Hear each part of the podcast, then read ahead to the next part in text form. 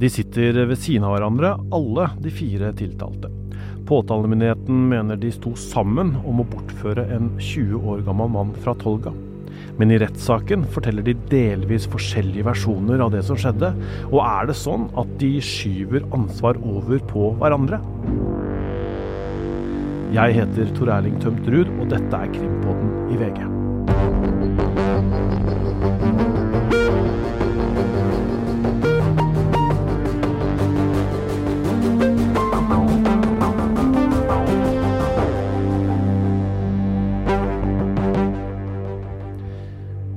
Hatt eh, to episoder fra før om Tolga-bortføringa. Du har hørt hvordan to menn kom seg til Tolga langt nord i Østerdalen natt til 2.1.2021. De var maskerte og hadde med seg en revolver. De siste 500 meterne opp en bratt bakke gikk de til fots, før de prøvde å komme seg inn i bolighuset på tunet. Hør disse episodene i Podmy eller i eh, VG+, for da får du hele historien. De skøyt for å komme seg inn. Foreldrene til mannen de skulle hente, blir ifølge tiltalen utsatt for trusler og vold, før kidnapperne finner sønnen deres som gjemmer seg under senga si. De ville ha med seg sønnen i huset. Og sånn her hørtes det ut da faren ringte nødnummeret da disse to mennene hadde kommet seg inn i huset. Hit, nødtelefon. Jeg, jeg heter Hei. Nei, kom her! Ja, vent, da! Ja, ja, ja, men nå Dette er jo et, eh, et klipp fra nødanropet eh, som vi har fått, eh, Øystein. Hva er det vi hører skjer her, egentlig?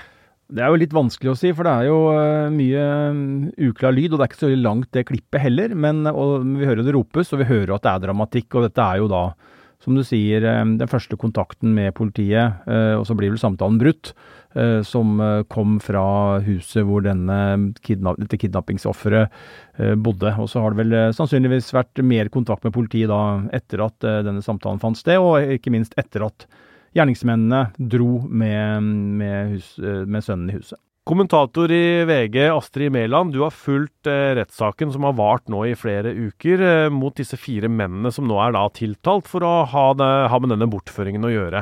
Hva blei sagt om dette nødanropet i retten? Eh, faren til gutten vitna jo om det i, i begynnelsen av rettssaken. Han fortalte at det hele var over på under fem minutter, og at han ganske tidlig ringte politiet uten å få svar. Tok med seg mobilen i morgenkåpa si, og politiet ringte tilbake.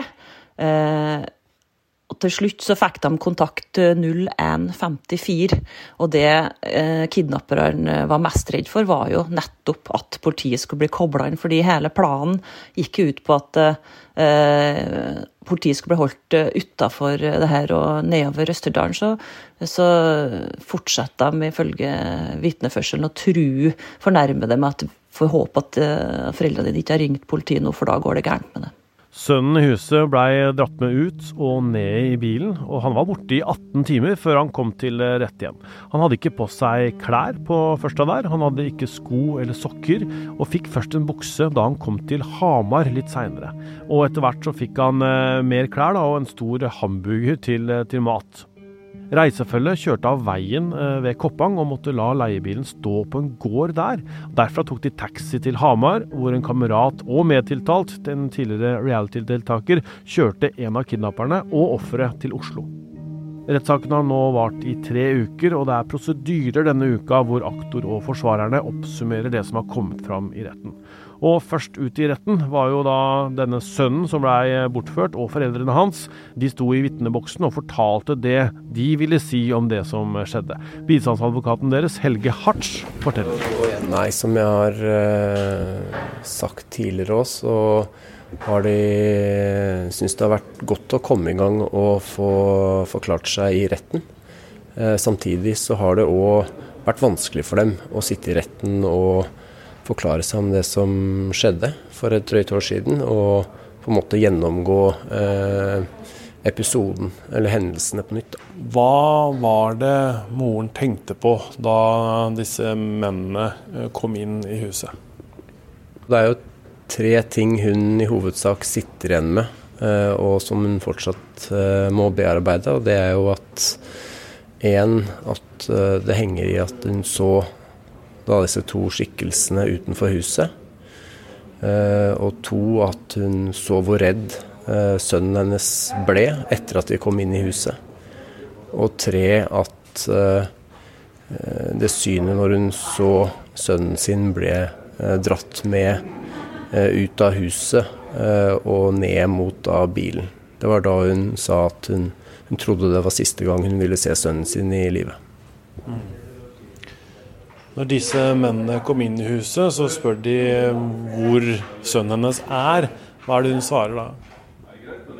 Nei, hun uh, har forklart at uh, det var veldig kaotisk. Uh, men det hun har forklart, er at også at hun hun forsøkte å si at, eh, at sønnen ikke var i huset, men at han var et annet sted.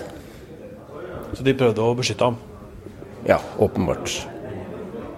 Hva har uh, faren forklart om uh, den volden som han ble utsatt for? Nei, han har jo forklart at det ble et basketak etter at de kom inn i huset. Eh, han ble utsatt for eh, slag og spark. Eh, og det ble også retta en revolver mot ansiktet hans.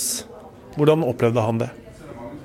Nei, Han forklarte jo også det i retten, at han, han opplevde jo det her veldig alvorlig og, svært truende når du får retta en revolver i ansiktet. Samtidig så var han veldig opptatt av å, å beskytte familien sin, eh, så det var litt todelt. Og Sønnen, hva er det på en måte han eh, sitter igjen med i sin forklaring? Han har forklart seg om, om det denne saken dreier seg om, og det er jo eh, det er jo kidnappinga. og det at han ble skutt og påført vold. eller at det ble utøvd vold mot han. og det har han forklart i detalj, hvordan han opplevde. Eh, og det er det retten skal ta stilling til her. Og så har det vært veldig fokus på eh, forhistorien til hvorfor da han ble bortført. Eh, og det får man bare avvente med å ta stilling til, til litt senere. Hvordan går dette her framover? Når det gjelder familien, så, så, trenger de tid på å bearbeide det de har vært igjennom. mor forklarte jo retten i går at drømmestedet deres, eh, som det alltid har vært, og som det har vært i generasjoner, det er ikke lenger noe drømmested. Det er, et, det er blitt et helt annet sted. og Familien eh, trenger tid eh, til å bearbeide det de har vært gjennom. Og Astrid, eh, hvordan vil du beskrive det sønnen i huset eh, fortalte om det som skjedde? Ja, Sønnen i huset som nå er 21 år, var ganske fåmælt. Det kom fram i løpet av rettssaken at han innledningsvis ikke ønska å anmelde saken, til tross for at han da var utsatt for både trusler og vold. Um, grunnen til det, som han sa mange ganger i vitneboksen, var at han ikke ønska å inkriminere seg selv. Altså at det er fare for at han selv kan få straff. Han kan snakke seg inn i en straff, og det kom også fram at han er under etterforskning for grov narkotikakriminalitet, 21-åringen eh, nå. Uh, han var ellers en et troverdig vitne som man fort tror på og får sympati med. Um, fåmælt, uh, men da jeg først snakka, så, så virka det troverdig. Han uh, var prega av um, flauhet, vil jeg si. Han rødma ganske ofte. Han hadde en sånn høyhalsa hvit genser en dag i retten som han virka som han prøvde å dra opp, høyt opp i ansiktet sitt, sånn at han slapp å, uh, å se på de som satt der. og Det var mange ting her som var flaut og traumatisk for han. Har han forklart seg eh, mer eh, utfyllende i politiavhør, eller har det vært den samme holdningen eh, hele veien? Ja, han har Mitt inntrykk er at han hele tida har vært restriktiv. Det har jo blitt lagt fram snap i rettssaken fra hans egen mobiltelefon med reklame for MDMA, salg på Hamar, og det har blitt lagt fram tilbud om salg av kokain. Eh, det har jo vært vitner som har fortalt at 21-åringen har løpere på Hamar, eh, og at løpere har eh, stjålet av bunken til 21-åringen. Og hvis det stemmer, da, så betyr det da at han har drevet med narkotikasalg. Hva var det han trakk fram fra hendelsesforløpet om det som skjedde? Altså sagt så var han jo påmeldt, og han sa utrolig ofte ingen kommentar. Og det var noe som forsvareren til de andre tiltalte etter hvert ble mer og mer irritert på.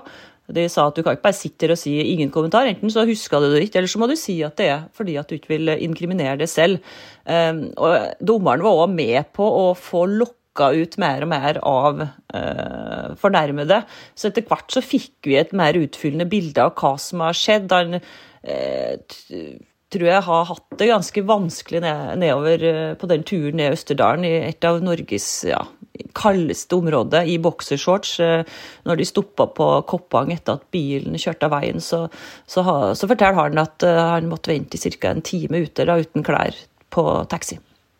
Men det er jo litt spesielt at disse tiltalte, eh, i hvert fall noen av dem, ikke tenkte og trodde at foreldrene skulle ringe politiet. At de bare skulle kunne forsvinne med, med sønnen uten at man slo alarm. har, har de utdypa noe rundt en sånn tanke? Det er jo svært spesielt. altså Disse to kidnapperne fra som kom Oslo, uh, har jo innrømt uh, delvis straffskyld, og de la jo igjen uh, grunnen til det, at de la igjen spor absolutt overalt på eiendommen på gården. Vingelen, øverst i Østerdalen. Det var lighter, det var munnbind med DNA, det var blod med DNA. Altså klar, tydelig profil. Så det var ikke mulig for dem å, å, nekte på det her. Og dessuten så vekket de jo en del folk. De, taxisjåføren var vitne, en eh, kar på en gård på Koppang der var vitne. Så de traff jo en del folk på turen òg. Men hva med foreldrene? Eh, hva fortalte de i retten? Det var jo eh, forståelig nok svært prega foreldre som eh, fortalte om det verste døgnet i deres liv. De var sikre på, når de så Eh, gutten deres bli dratt ned eh, veien, full, bare i boksershortsen, i snø, snøfull vei, en halv kilometer ble den dratt ned til bilen. Så tenkte de at det var den siste gangen de uh, så ham. Både, både, mor og far er jo da fornærma i, i, saken også, fordi, som du sa, utsatt for, for trusler og vold. Uh, men de sier at de i ettertid har klart seg godt. Det, den store bekymringa er sønnen og det som sitter igjen, tror jeg, på foreldres uh, Eh, mentale indre øye er den at sønnen ble dratt med i kulden der, og frykten for at han aldri skal komme tilbake. De frykta at han rett og slett skulle bli drept, at han skulle bli kasta i Glomma. Ja, for det er jo, det er jo viktig uh, å understreke i denne saken at det ble jo avfyrt skudd, og som jo også traff offeret på den ene rumpeballen, var det vel. Og det er klart at at foreldrene da ser for seg verst tenkelig utgang, eh, nemlig at man eh, tar med seg sønnen for å, ja, for å drepe han. da. Det er jo, eh, det er jo til, til, å forstå, Astrid. Det er klart at foreldre trodde det. Ble jo avført, som dere sa, flere skudd. De tiltalte, jo, de to bortførerne, har forklart at det overhodet ikke var planen. Men det som møtte ham på Tolga, var jo en svært ressurssterk far, vil jeg si, med flere tiår bak seg i Forsvaret, som rett og slett tok opp kampen mot kidnapperne. Det ble, slik han beskrev det, en slåsskamp. Eh, som kanskje foreldra kunne ha vunnet, har ikke vært for at eh, slik faren forklarte, i hvert fall, at han måtte avslutte. Han så at kona si ble mishandla av den kidnapperen. Du hørte også bistandsadvokaten si her at uh, denne gården som var liksom drømmestedet deres, uh, har uh, eh, slutta å være det. Hva, hva, sa moren om det?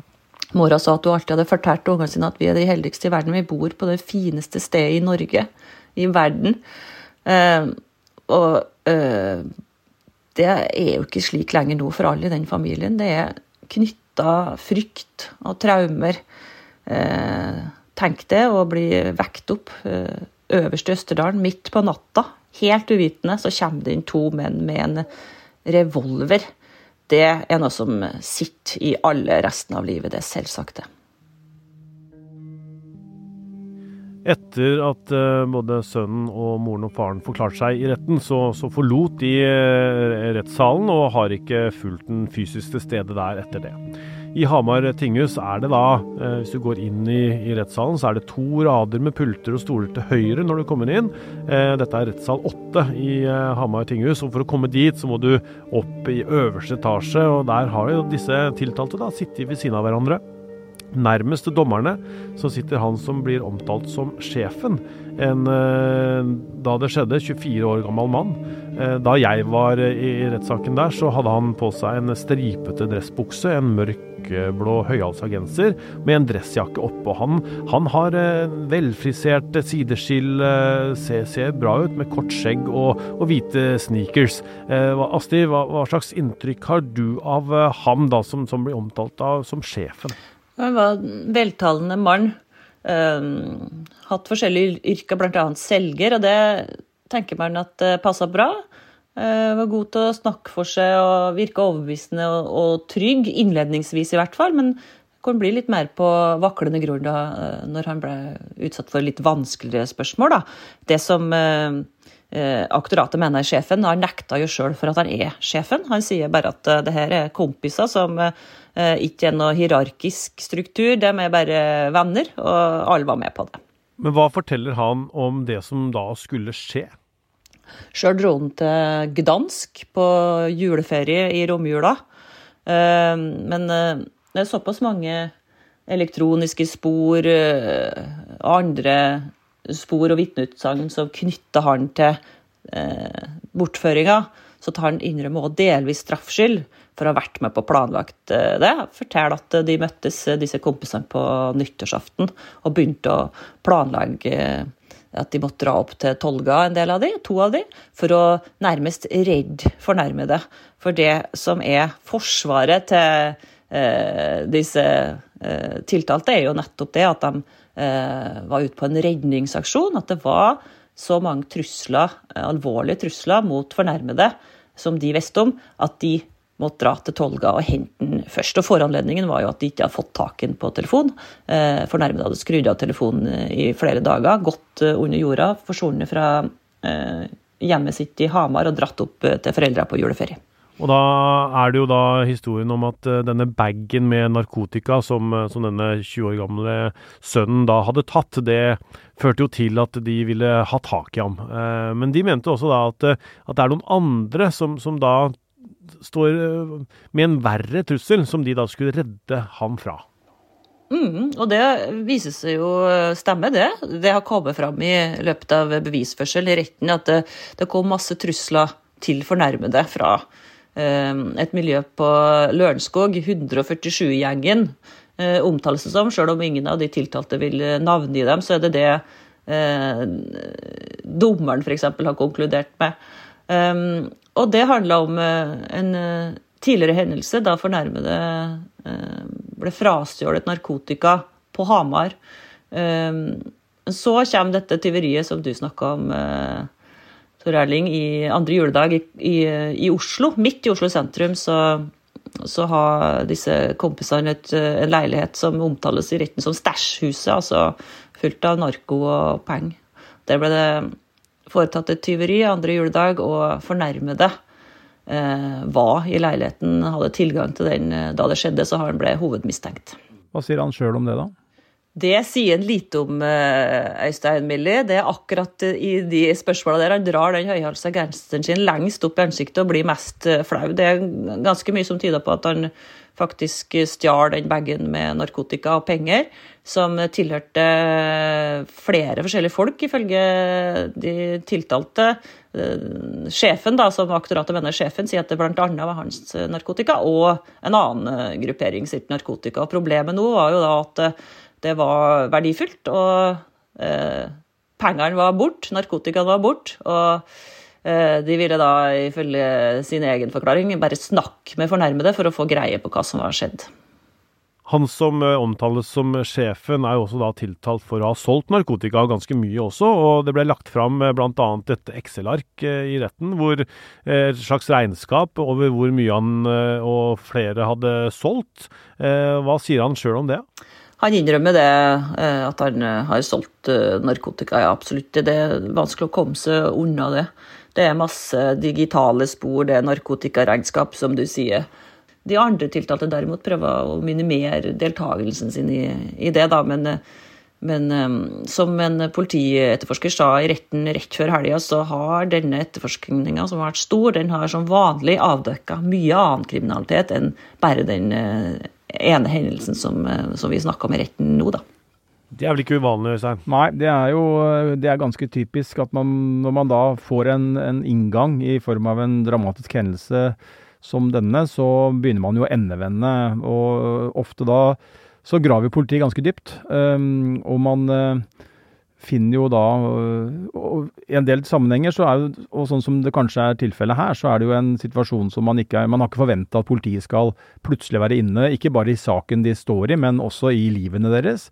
Så man har ikke nødvendigvis skjult spor, sletta samtaler, altså gjort en del sånne tiltak som man kanskje ville ha gjort dersom man visste at nå er politiet ute etter oss. Det skjer veldig plutselig og brått. Og da er jo ofte i sånne saker på generelt grunnlag, så er jo, så er jo sjansen for at det fins bevis, fins spor, åpen, som ligger ganske åpenlyst, og som er lett å finne for politiet, den er jo større da når det blir en sånn plutselig eh, aksjon, eh, som det gjør her, enn en, i andre sammenhenger. Han som eh, da påtalemyndigheten mener er eh, sjefen i denne, denne gjengen, hvis vi kan kalle det det, han er jo det også den yngste eh, av disse mennene. Er han sjefen, eller Astrid?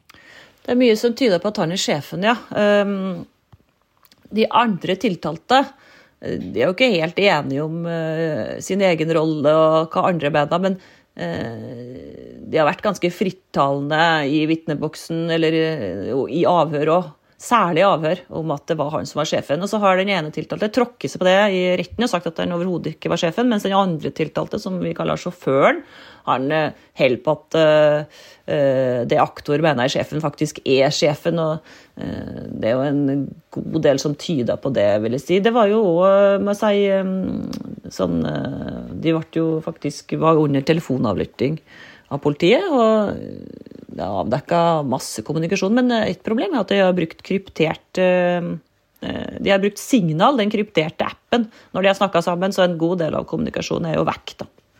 Jeg hørte også arbeidsgiveren hans fortalte rosende ting om han som selger. Ja, det kan jeg godt forstå. Eh, framstår som du, akkurat sånn som du beskrev den, Tor Erling, som uh, veldig representativt og velfrisert og veltalende type. Overbevisende. God selger, det vil jeg helt, tro, eh, helt sikkert tro. Men så er jo det der med at eh, når man begynner å selge narkotika, så baller problemene litt eh, på seg fort. For da er det ikke noen stat eller noe politi som kan ta seg av sikkerheten eller gjeldsinnkrevinga eller slike ting. Og det som skjer i denne saken her, er jo igjen og igjen at de forskjellige aktørene stjeler fra hverandre, og at de nødt til å komme da med represalier, for det er jo ikke noe politi som kan gjøre det. Og så baller det på seg, og den ene etter den andre havna i trøbbel og gjeld. Og slik eh, det fungerer, det miljøet her, så er det sånn at eh, den med mest voldskapital, med den største gjengen bak seg, den bestemmer egentlig. Sånn at Vi får f.eks. høre i, i, i vitneboksen at når fornærmede Eh, eh, blir utsatt eh, Eller så stjeler fra stash, det såkalte Stæsjhouse midt i Oslo sentrum, så, så blir reality-deltakeren holdt ansvarlig for den gjelda, fordi reality-deltakeren var den som introduserte den såkalte sjefen for fornærmede. Og sånn foregår det i det lovløse miljøet, at du bare kan slenge ut en sånn påstand, så blir det sånn. Forsvareren til eh, denne 24-åringen, Marius Illebekk, sier at hans klient aldri mente at det skulle bli brukt vold da de to andre skulle hente denne sønnen, og holder fast ved at eh, planen var å redde da 20-åringen fra noe verre. Og vi, jeg møtte Illebekk i eh, Hamar tinghus. Nei, Han har vært opptatt av å fortelle retten hva som er bakgrunnen for saken, hva som har vært hans rolle og, og, han mener jo at det er særlig viktig når vi står i en straffesak hvor fornærmede overhodet ikke er opptatt av å bidra til sakens fulle opplysning for, for, domstolen. Hva har vært hans rolle, da? Nei, Han er klar på at de tiltalte, altså de fire tiltalte har hatt likestilte roller. Og at eh, han benekter på det mest bestemte å ha hatt noen rolle som sjef eller oppdragsgiver overhodet. Det ble jo da klart at det var en bag med narkotika som ble tatt fra denne eh, leiligheten i Oslo. Eh, hva slags eh, tilknytning hadde din klient til den bagen? Han har forklart at deler av den narkotikaen som var i denne bagen, tilhørte han. Det er, det er det, han har forklart som hans tilknytning til den bagen. Og Så kom det da fram at han ville hjelpe den fornærmede her. På hvilken måte da? Nei, først og fremst var jo fornærmede også sin forklaring forklart om eh, flere episoder hvor eh, min klient har hjulpet han ut av vanskelige situasjoner. Og min klient eh, hadde som formål også denne gang å hjelpe han ut av en knipe som hadde oppstått i forbindelse med hendelse 26. og 27. desember 2021. Hvordan er de tiltaltes forhold til hverandre nå? Nei, Min klient forklarte jo på, på, spørsmål fra meg at han ikke har snakket med de øvrige tiltalte uh, siden denne hendelsen skjedde. Hvorfor ikke det? Bakgrunnen for hvorfor han ikke har gjort det, det må du nesten spørre han om. Men uh, det er ikke jeg kjent med. Ved siden av 24-åringen sitter den eldste av de tiltalte, han som vi har kalt Revolvermannen. Og Da jeg så ham i retten, så hadde han olabukser, noen store vintersko og en gråmelert genser. Han er 28 eh, år og starta sin forklaring med å si at han hadde medfølelse for eh, moren som han hadde møtt eh, inne i huset. Jo, dette er den eh, tiltalte som framstår mest empatisk. Snakka uh, om kjærlighet til kvinner, til søstrene sine, mora si, og sier at han aldri ville ha gjort noe sånt mot en kvinne, fordi han har alltid stått på for kvinner. Jeg snakker òg mye om eh, kjærlighet til dyr og hunder og kompiser. Fremstår som en eh, litt vimsete, eh, energisk fyr, men så mm, vi da vet fra vitneførselen, eh, blir framstilt som den eh, voldelige, eh, brutale, truende eh, kidnapperen eh, i Tolga, blant annet. Så sa vel faren og mora, så vidt jeg husker, at eh, vedkommende var den mest brutale eh, i Tolga. Vi har jo fått høre i eh, vitneførselen og fra hans egen forklaring altså at han var dopa. Tok eh, en linje på Hamar. Stoppa, tok et par linjer litt lenger opp. Det var òg to valium inkludert. Et par lettøl og så anabole steroider. Han øh, løsna jo da dette, disse skuddene. Uh, hvordan skjedde det? Først, uh, for å komme seg inn, for å vekke oppsikt, så blir det avfyrt et skudd med denne revolver, da. 22 kaliber, som forsvareren mener er nærmest som en lekepistol. Så blei altså fornærmede skutt i rumpa i tumultene da han sprang opp igjen etter å ha vært nede i første etasje i huset. Så sprang opp igjen, enten for å hente seg klær eller noe annet da, da ble, ble, revolveren avfyrt igjen. og sier jo selvfølgelig at det ikke var meninga å treffe fornærmede, det tror jeg heller ikke var. Eh, men han måtte jo altså da opereres på sykehuset etter at han kom til rette igjen, for å få ut prosjektilet som satt fast. 22 kaliber er jo en, eh, en, liten kaliber i pistol- og revolversammenheng, men det er dødelig. Det er jo samme kaliber som ble skutt eh, elleve ganger i Orderud-saken, Øystein? Det, var, eh, det er riktig. Det er et av de våpnene som ble brukt, uh, brukt på ordre i går. Uh, og Så var det jo der en tillegg en 38-kaliber som også alle ofrene ble truffet med. Men det, det er klart at en 22-kaliber, det, det, er, det, er et, det er et våpen, og den kan gjøre stor, stor skade. Det er det som kalles salongrifle, og også det kaliberet som brukes når man går på skiskyting. Det stemmer. På raden eh, bak så sitter eh, han som vi har kalt eh, sjåføren, nærmest dommerne. Han var den eneste som hadde lappen, så det ble naturlig at han kjørte. Han har jobba som tømrer og er 25 år. I retten den dagen jeg var der, så hadde han på seg helt vanlige bukser og en genser. Hva han fortalte Astrid om hvordan han opplevde kjøreturen? Han har fortalt uh, at han opplevde det som sinnssykt. Han har kalt det absurd. Han angra veldig. Uh, han beskriver sin rolle, som du sier, som sjåfør. Uh, det var overhodet ikke planen at det bare skulle skje.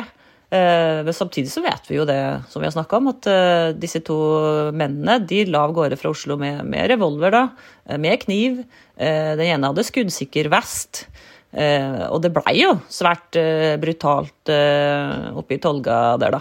Eh, uten å liksom eh, legge skyld på, på, faren i huset, så har jo eh, særlig revolver, revolvermannen forklart det med at, at faren ytter motstand. Hadde de ikke gjort det, så hadde alt gått greit, mener, mener de da. Men, mens sjåføren han framstiller seg sjøl som ja, bare en hjelper som uh, visste svært litt om planen, og som visste svært litt om uh, narkotikasalg, og som sier at han aldri har drevet med narkotika, at han overhodet ikke er med i noe kriminelt uh, miljø. Og det er jo det her da, som fører til krangling, fordi forsvareren til Revolvermannen ønska jo på en måte ikke at all skyld skal legges på sin klient, så derfor så kjekla de i retten om dette. Og så har vi den siste tiltalte, som eh, tidligere har vært med på et eh, reality-program. Han kjørte Revolvermannen og den bortførte sønnen eh, den siste biten fra Hamar til Oslo. Han er også velfrisert og har sidestil når jeg ser han i retten. Han har på seg genser, en dressbukse, og, og han hadde også venninner som satt på tilhørerbenken og fulgte rettssaken. Han er den eneste av dem som da nekter fullstendig straffskyld etter tiltalen. Hva forklarer han for noe, Astrid? Han forklarer, at uh, disse to kidnapperne kom midt på natta, uh, på morgenkvisten, da, rettere. Mm, busende inn i leiligheten hans på Hamar mens han lå og sov, og krevde at han kjørte dit til Oslo i Teslaen sin. Fordi da hadde de allerede vært på en lang, lang tur med masse uhell. To taxiturer ikke sant? fra Koppang til Rena, Rena til Hamar, og de ville tilbake til Oslo. Eh, han nekta eh, plent, så det var uaktuelt. Nekta å, å låne bort bilen sin fordi eh, det var rus inne i bildet, og han eh, ville ikke gjøre det. Men til slutt så gikk han likevel med på det, etter litt ringing hit og dit. Jeg tror at han gikk med på det fordi at den som aktoratet kaller for sjefen, hadde noe på han, altså at han skyldte en penger eller en tjeneste. Han gjorde det i hvert fall. Han kjørte de fra Hamar til Røa. Um, og bilen har jo da blodspor og DNA og alt sammen. Så, så han er jo knytta til hendelsen, men han sier jo det at han kun var sjåfør. Og det var den av de tiltalte som har eh, best sjanse til å bli uh, renvaska eller frikjent. Da, fordi at uh, så langt så har ikke egentlig aktoratet klart å legge fram sterke bevis for at han var langt inn i planlegginga, delaktig og i bortføringa.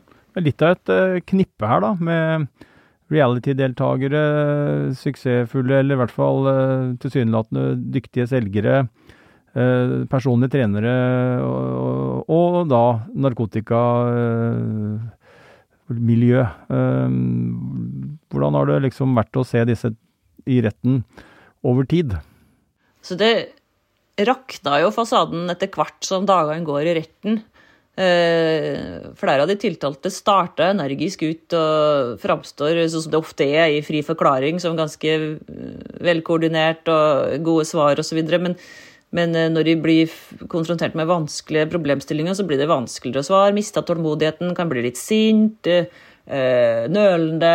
Det høres ikke helt ut som alt sammen henger sammen lenger. Eh, så, og dessuten er de jo overhodet ikke koordinert. Ikke sant? Den ene tiltalte mener jo at uh, sjefen uh, var hovedtiltalte, den andre mener at alle var på like fot.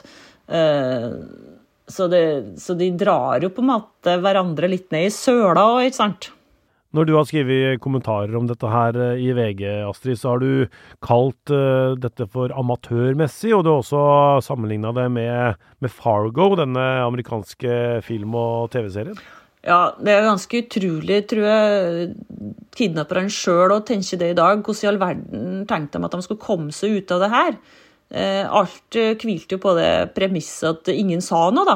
Men det var jo nesten umulig å tenke seg at to ressurssterke foreldre fra Tolga skulle la være å si noe når sønnen eh, ble bortført. Det er jo ikke sånn det fungerer i Norge. Vi har jo en myndigheter og rettsstat og politi som folk stoler på. Det er jo ikke sånn at folk bare lar det gå og passere. Det kan jo hende at det, det skjer lignende ting langs Akerselva med asylsøkere som er illegale eh, under jorda, sånn, eh, ganske ofte uten at vi hører om det. Men eh, her blir jo selvfølgelig politiet kobla på med en gang. Og når de eh, Politiet Innlandet, da, kjempestor etterforskning for de, kjører på med, med gisselforhandlingsteam opp til Tolga der, som skal sitte klar og skal hjelpe mora i tilfelle sønnen ringer kjører på med all slags eh, eksperter og en kjempestor etterforskning. Finner jo spor overalt, ikke sant? både blod og eh, DNA, selvfølgelig. Umulig. Altså, den bilen den blir jo stående på, på nord for Koppang. der, eh, Den stoppa jo fordi de dro ut denne ledningen. For det var jo en bil fra bilkollektivet som, eh, som man kan følges på GPS, som har en sånn ledning knytta til seg. Så ble de redd for det, så de dro ut den ledningen for at det ikke skulle bli noen skulle følge med på det, som førte til at bilen stoppa. Så måtte de jo ta taxi, som er to forskjellige vitner der. altså Det var jo helt umulig å komme seg ut av. og bærer vel preg av egentlig lite planlegging. Jeg har vært i andre rettssaker der folk òg har blitt dømt, og det har vært klart at, at de har gjort ting, men eh, som har vært langt bedre planlagt enn det her, altså. De har jo til og med sagt i retten at de, de syns det nesten er litt komisk nå, hvordan de, de, har tenkt. Men så er det da dette alvorlige bakteppet, Øystein, med, med grov vold. da. Ja, og det må man ikke glemme. Altså det er eh, en familie som er hardt ramma, og som eh, blir vekt opp midt på natta, og som jo, vi har vært inne på, opplever at sønnen i huset blir, blir eh, dratt ut. Han gjemmer seg jo under senga, men blir funnet og blir tatt med, og det blir en, eh, en slåsskamp, håndgemeng, mellom eh, i hvert fall far og noen av gjerningsmennene. Det er vold mot mor. Det går av skudd både i, i, i, når de går inn i huset og, og underveis der. Så det er klart at dette er jo en veldig, veldig alvorlig sak. og ikke noe man kan eh, bagatellisere, eh, og som nå eh, helt sikkert rettssystemet kommer til å underlegge en grundig vurdering og utmåle da en straff dersom man velger å, å dømme dem og mener det er grunnlag til stede, som står i forhold til det som lover og regler oppstiller. Men når du hører da at de forskjellige tiltalte de, de, legger litt skyld på hverandre, og de forklarer seg litt uklart og kanskje litt forskjellig om hva, hva som har skjedd, hvordan er det da å være eh, dommer og skal dømme noe her? Altså De erkjenner straffskyld, eh, men ikke så ille som, som påtalemyndigheten mener, da, ikke sant? Nei, man må jo finne da eh, støtte for eh, en dom og et syn uh, i bevisene. Og, og, det er ikke noe uvanlig at man har, når det er en gruppe mennesker på tiltalebenken, det bør ikke være flere enn to eller for så vidt, så er det ikke uvanlig at man har ulike forklaringer. Uh, skylder på hverandre, uh, snakker ned sin egen rolle, prøver å dytte på, på noen andre noe. Vi var inne Morderud-saken så vidt i forbindelse med 22 kaliber her, og det er jo en av de mer kjente hvor det sitter fire personer på tiltalebenken og har i hvert fall tre ulike forklaringer om hva som har skjedd. Um, og det er klart at uh, dette, særlig de, særlig de, juridiske dommerne er jo trent i uh, og har erfaring fra ofte av lignende situasjoner. Og så er det litt annerledes for de som er trukket ut som meddommere. Men, men man må jo veie ting opp mot hverandre, og så må man til slutt forsøke å man skal kalle det en sannhet. Det kan man jo velge eller ikke velge, og, men, men i hvert fall finne en, en versjon som man mener er eh, bevist, da, utover enhver rimelig fornuftig tvil, for det ligger jo alltid i bunnen her. Man skal eh, for hver og en, og man skal heller ikke behandle disse som en gruppe. Man skal gå gjennom hver og en tiltalt og se at hva er det vi kan bevise at du, Tora Tømterud, har gjort eh, og ikke gjort, og hva er en riktig straff for din rolle. og Det er jo sånn man systematisk jobber seg gjennom dette her. Mandag kommer eh, tredje del av historien om Mikael Ali her i Krimpodden, og hvordan han prøver å kjempe seg ut av gjengmiljøet. Hør den og de andre krimdokumentarene våre på Podme eller via VG+. VGs eh, Øystein Milli og Astrid Mæland har vært med i denne episoden. Produsent for Krimpodden er Vilde Worren, og jeg heter Tor Erling Tømterud. Du har hørt en podkast fra VG. Ansvarlig redaktør Gard Steiro.